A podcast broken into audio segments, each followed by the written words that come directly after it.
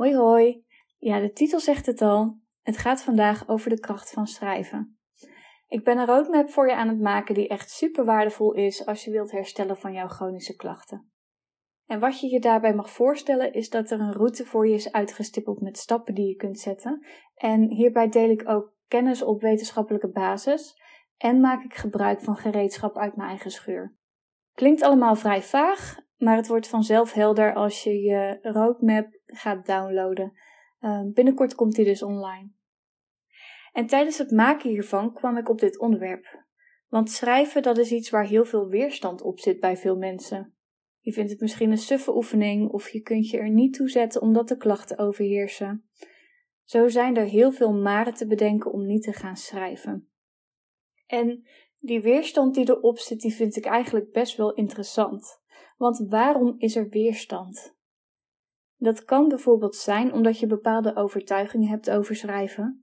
Uh, het kan zijn dat je niet goed bent om woorden te geven aan iets, tenminste, dat is wat je jezelf dan vertelt. Um, het kan zijn dat je nooit inspiratie hebt. Of er is angst. Want wat als er nou hele nare gevoelens bovenkomen? Kan je ze dan wel weer stoppen? En deze hoor ik heel erg vaak bij cliënten als ik ze een opdracht geef om te gaan schrijven. Er is steeds een hele grote angst voor emoties. En er wordt op de een of andere manier altijd iets negatiefs aan het hebben van emoties gekoppeld. Het wordt liever weggestopt door veel mensen. Misschien herken je dat wel. Het kan zo zijn dat het voor jou onveilig voelt om je kwetsbaar op te stellen door nare ervaringen die je hebt uh, meegemaakt. En er kan ook angst zijn dat kwetsbaarheid een soort misbruik van je maken met zich meebrengt. Of in ieder geval dat dat is waar je aan denkt als je je kwetsbaar opstelt. Dat je een makkelijk prooi bent. Maar de angst kan ook inhouden dat je denkt dat emoties leiden tot een crisis, omdat er dan hele negatieve gedachten aan gekoppeld zitten. En vaak is dat ook bij mensen die niet hebben mogen voelen, of die niet hebben geleerd om emoties te doorvoelen, of het altijd maar hebben weggestopt. Maar het probleem is juist dat emoties bij het wegstoppen ervan als hele zware energie in je lichaam opgeslagen gaat zitten. En je mag echt horen dat emoties niet gevaarlijk zijn.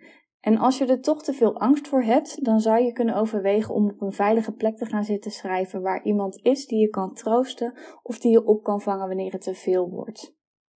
Nou, waarom wil ik je nou aanraden om te gaan schrijven? Dat is omdat het een hele krachtige oefening is om betekenis te geven aan jouw klachten en waarom je ze zo intens beleeft. En waarom wil je betekenis geven aan je klachten? Want je hoort natuurlijk ook vaak het gezegde: wat je aandacht geeft, groeit. En in verschillende contexten ben ik het daar ook helemaal mee eens. Maar in dit geval wil je echt weten wat de oorzaak is van je klachten. Anders dan blijf je aan symptoombestrijding doen en blijf je in dezelfde cirkel rondhangen.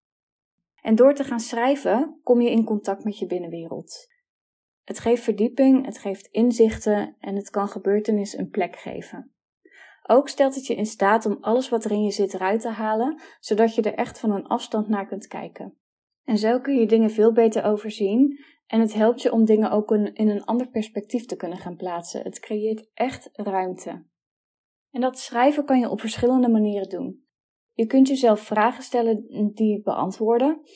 Of je kunt gaan free flow schrijven, waarbij je gewoon je pen op papier zet en intuïtief laat komen wat wil komen. En wat je natuurlijk ook kunt doen, is gewoon een oldschool dagboek bijhouden. En daarbij wil ik je dan wel de tip geven om jouw klachten die dag op een score te geven. En ook om op te schrijven wat je die dag hebt gedaan, wie je die dag hebt gezien, hoe je je hebt gevoeld en wat er in je gedachten omging. En dat is namelijk helpend om patronen te ontdekken en dat is heel handig om ze ook te kunnen doorbreken. Maar als je er nou voor kiest om vragen te beantwoorden, heb ik een paar hele behulpzame vragen voor je. En als tip wil ik je meegeven om die vragen over te schrijven, of ik zal ook in de show notes deze tijd neerzetten, zodat je de volgende keer wanneer je luistert direct naar de vragen kunt gaan. En tussen iedere vraag kan je de podcast ook even op pauze zetten om de vraag te kunnen beantwoorden. Schrijf je mee? Hier komen ze. Wanneer zijn de klachten begonnen?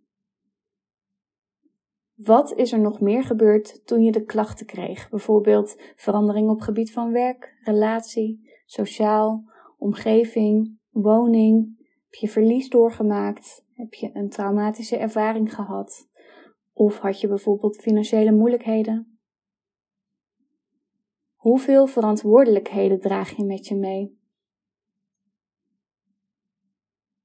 Voel je je geliefd en kan je lief hebben? Voel je je veilig? Hoe ging het eraan toe in je jeugd en hoe werd er op jou gereageerd? Welke overtuigingen heb je meegekregen? Heb jij geheimen met je mee te dragen? Heb je te maken gehad met een ernstige ziekte? Welke eigenschappen herken je bij jezelf die kunnen zorgen voor een blokkade? Oké, dit waren enkele behulpzame vragen. Er zijn er nog veel meer, maar ik wil je nu ook niet overspoelen. Je kunt ze natuurlijk ook verder uitbreiden met wat er in je opkomt. En mocht deze podcast je nou helpen, zou ik het heel erg waarderen als je een 5 sterren rating achter wilt laten, zodat de podcast ook zichtbaar wordt voor anderen die er misschien ook mee geholpen kunnen zijn. Dankjewel voor het luisteren en een hele fijne dag.